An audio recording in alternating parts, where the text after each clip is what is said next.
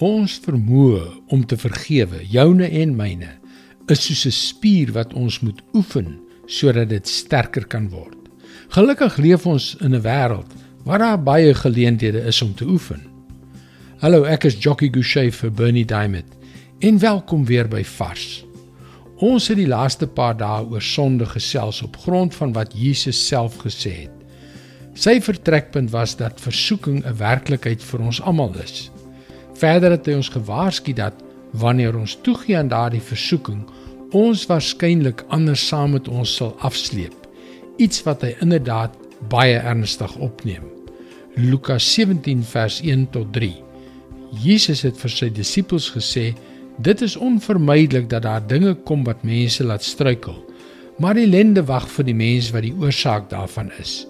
So 'n mens kan eerder met 'n groot klip aan die nek in die see gegooi word as dat hy vir een van hierdie kleintjies se struikelblok word. Wees dus self op julle hoede. En sy volgende punt is net so belangrik. Lukas 17 vers 3.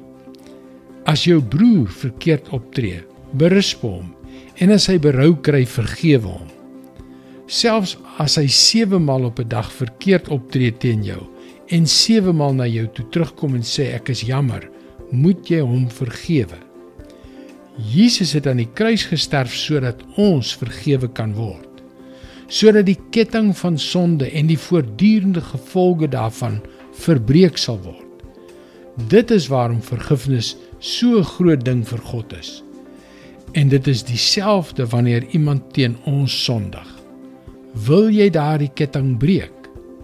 Wil jy keer dat die gevolge van hulle sonde uitkring? Wanneer iemand teen jou sondig, berisp hom in elk geval en roep hom tot verantwoording.